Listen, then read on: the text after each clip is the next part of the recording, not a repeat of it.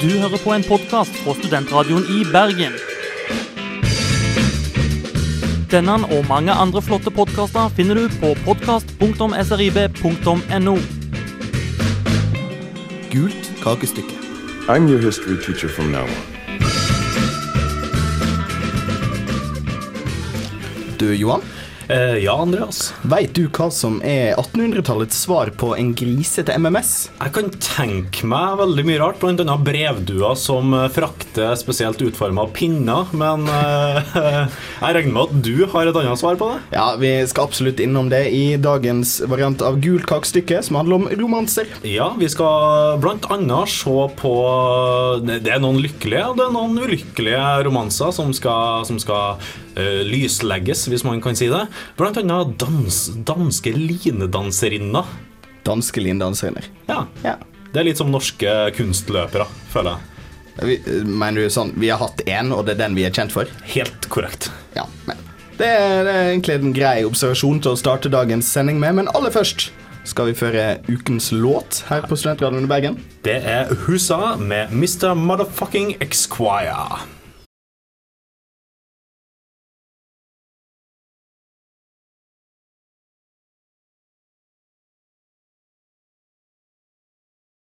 Du har nettopp hørt ukas låt her på Studentradioen i Bergen. Det var Huzza med Mr. Motherfucking Exquire. Og de skulle, dere skulle ha sett oss kjære lyttere når de to hviteste menneskene i verden dansa til det her.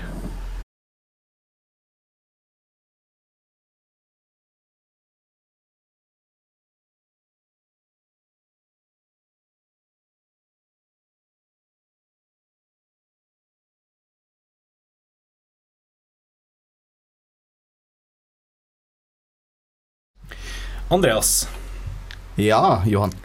hva er det første, eller hvem er den første du tenker på når du hører romantiker og England?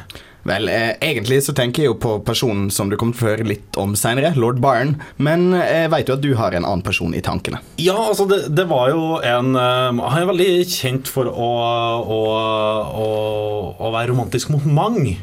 For han, han ble veldig fort glad i folk. Ja, men han ble òg veldig fort lei av folk. Ja, du kan jo si det. Og han ble så, så fort, fort og så ofte lei av folk at det ble et problem. At, uh, med statsreligion i England. Ja, Så derfor eh, tok han sitt grep for å prøve å forandre på statsreligionen i England. Ja, rett og slett for å, for å slippe å gå til paven så ofte for å be om annullering av ekteskap. Ja, for personen du har sett på, Johan, er selvsagt ingen ringere enn Henrik den åttende av England.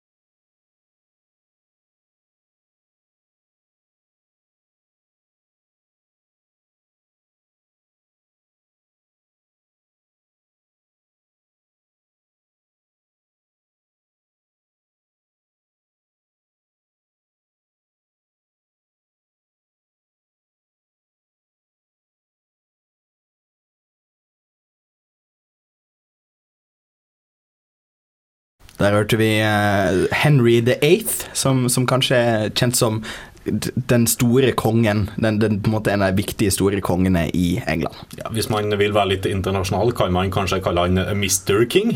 Og det synger jo Forsa om òg, og her får du høre den låten.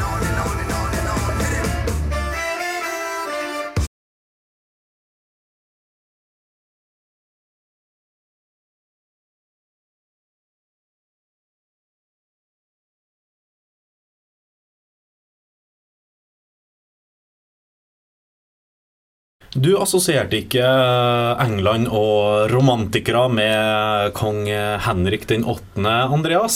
Du har sett litt mer på en virkelig kvinnebedårer i ordets rette forstand. Ja, og mannebedårer, men det er for så vidt en litt annen historie. Men jeg snakker selvsagt om, om Englands store romantiker på 1800-tallet, Mr. Lord Byron.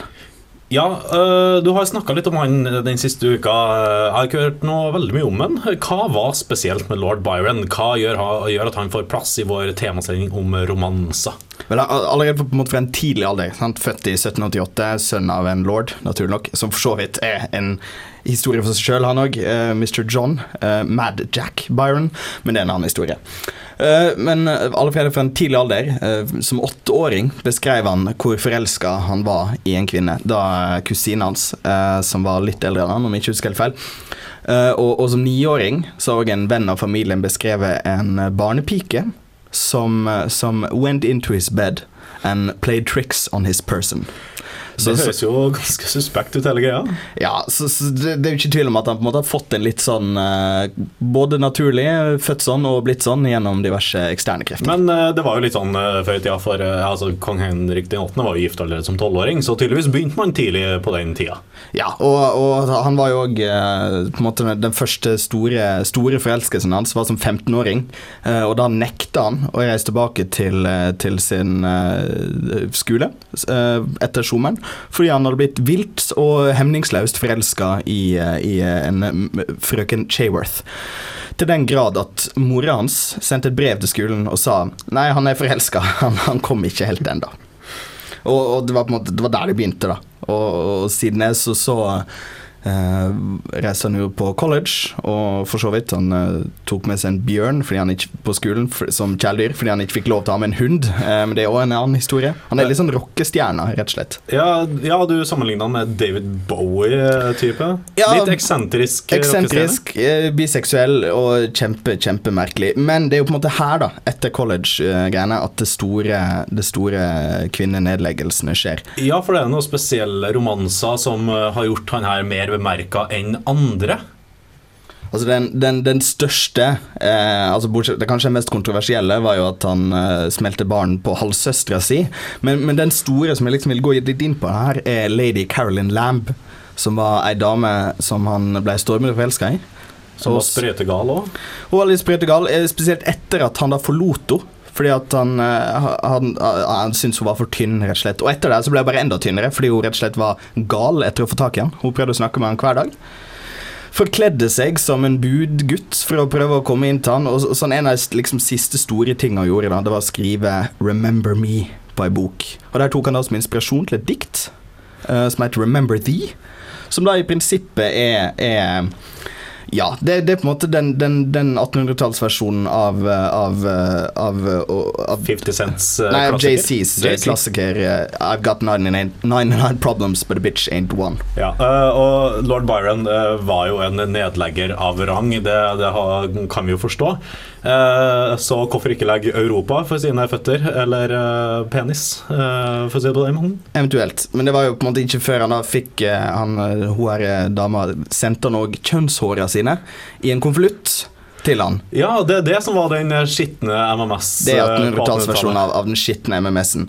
Eh, men han, han tok jo det ikke han, måte, han, han var ikke flau over det her, han syntes det bare var gøy. Og han syntes, ville jo liksom pepre opp litt. Og, og det verste han gjorde mot henne, det var nok å gifte seg med kusina hennes. I hvert fall liksom stikke litt inn sånn sånn Nei, hun, hun er fin, hun liker jeg. Vi tar henne. Og det var da, eh, da han reiste ut til, til Europa. Så det siste han gjorde før han forlot eh, England, var å gifte seg med kusina til dama som var vilt forelska i ham. Vilt, hemningsløst, galskap, forelska i. Og der var jo da eh, den her dama, den her kusina som han giftet seg med, eh, fikk han da en av sine tre, i hvert fall legitimt kjente døtre med.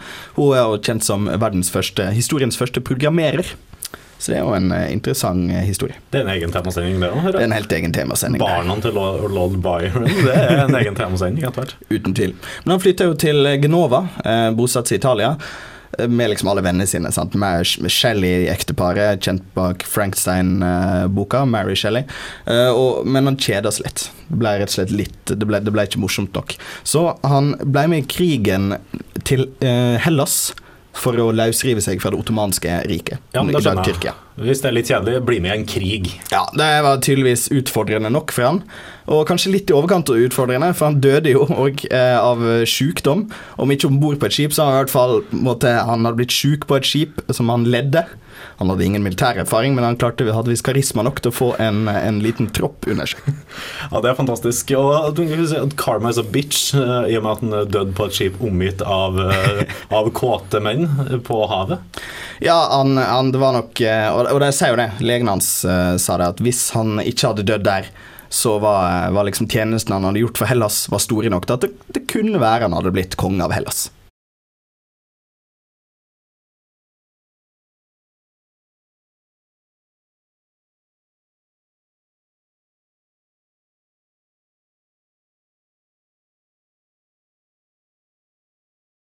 Andreas, hvor mange danske linedanserinner kjenner du til?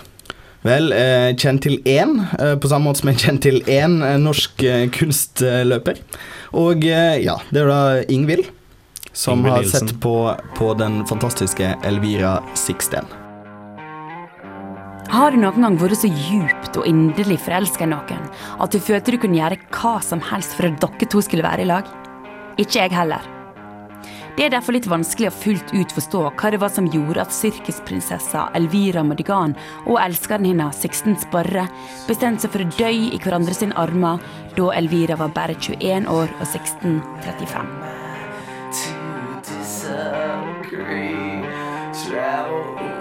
Hedvig Antonette Isabella Eleonore Jensen ble født i Tyskland 4.12.1867.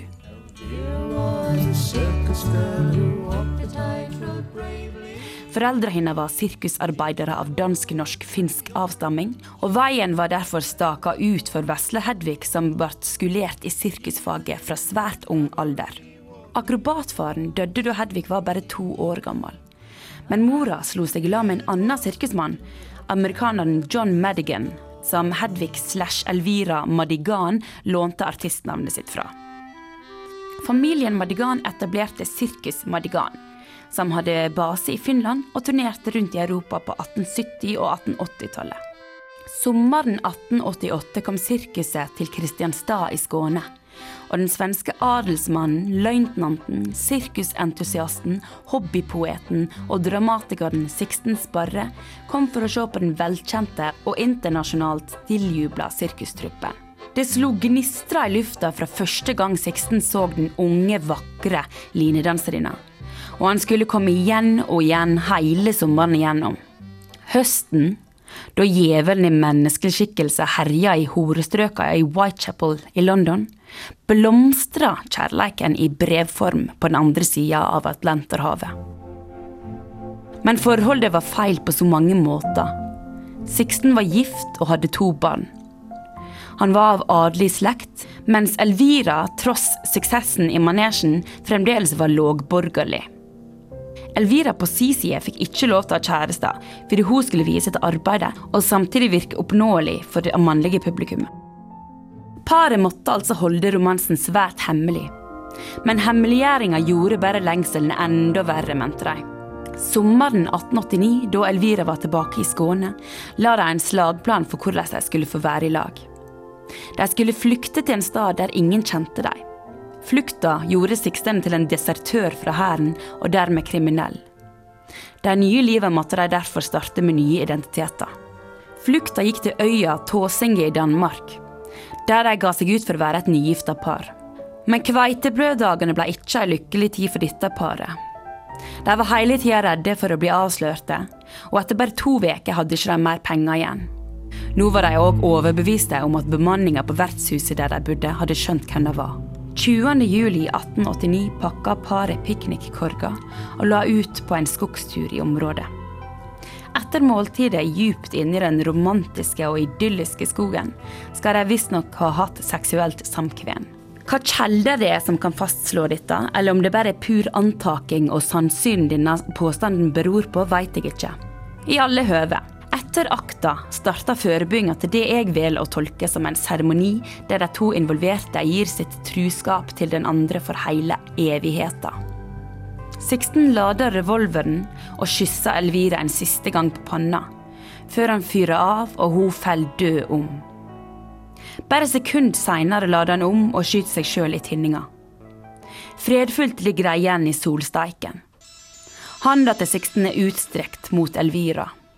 Ei humle suser forbi. Blodet storkner snart i andletet deres. Men hvordan vet vi at Elvira samtykker til selvmordspakta? Kan hun ha vært et offer for Sparre sin besettelse? Stesøstre og venner av henne hevder at hun ikke var en romantiker, men at hun lengta etter et liv utenfor sirkuset, som hun håpte at Sparre ville gi henne. Samtidig utelukka ikke stillinga like lå i da det ble funnet at Sixten drap Elvira når hun sov.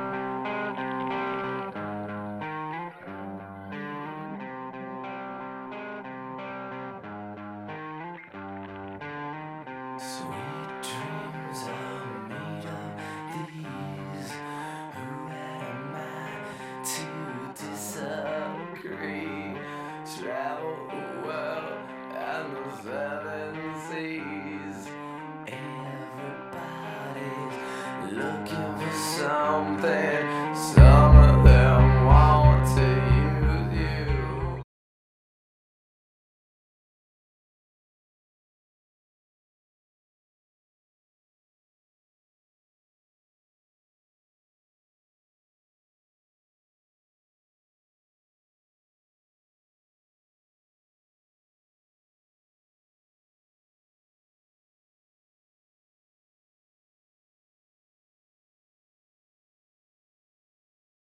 Og Det var det vi hadde for romantikere og romanser i dag. Ja, kjærlighetsslaget som har stått i studio er nå over, og vi har også hatt en liten duell på nettet. Absolutt. Eh, om hva som er neste ukes eh, tema, og vi kan offentliggjøre eh, vinneren. Eh, det sto mellom landegrenser og løgner. Og vinneren ble landegrenser, så neste uke skal vi eh, se om vi finner noe interessant på det feltet. Ja, fra, fra toppen av hodet mitt eh, Afrika og Belgia. Yes. Ja, det kan bli mye snadder. Eh, vi som har bidratt til denne sendinga, det har vært meg, Johan Dalen. Og meg, Andreas Hadsel Opsvik. I tillegg så har vi Ingvild Nilsen, som fortalte oss litt om Elvira Madigan sitt liv. Produsenten vår heter Ida Angeltveit. Besøk oss på srib.no, og vi podkaster. Vi podkaster iTunes og på vår nettside srib.no slash podkast. Hør på oss eh, resten av dagen, altså Studentradioen Bergen. Tonje og Steinar sitter klar i Grenseland studio og skal gi oss litt Facebook-piat i dag.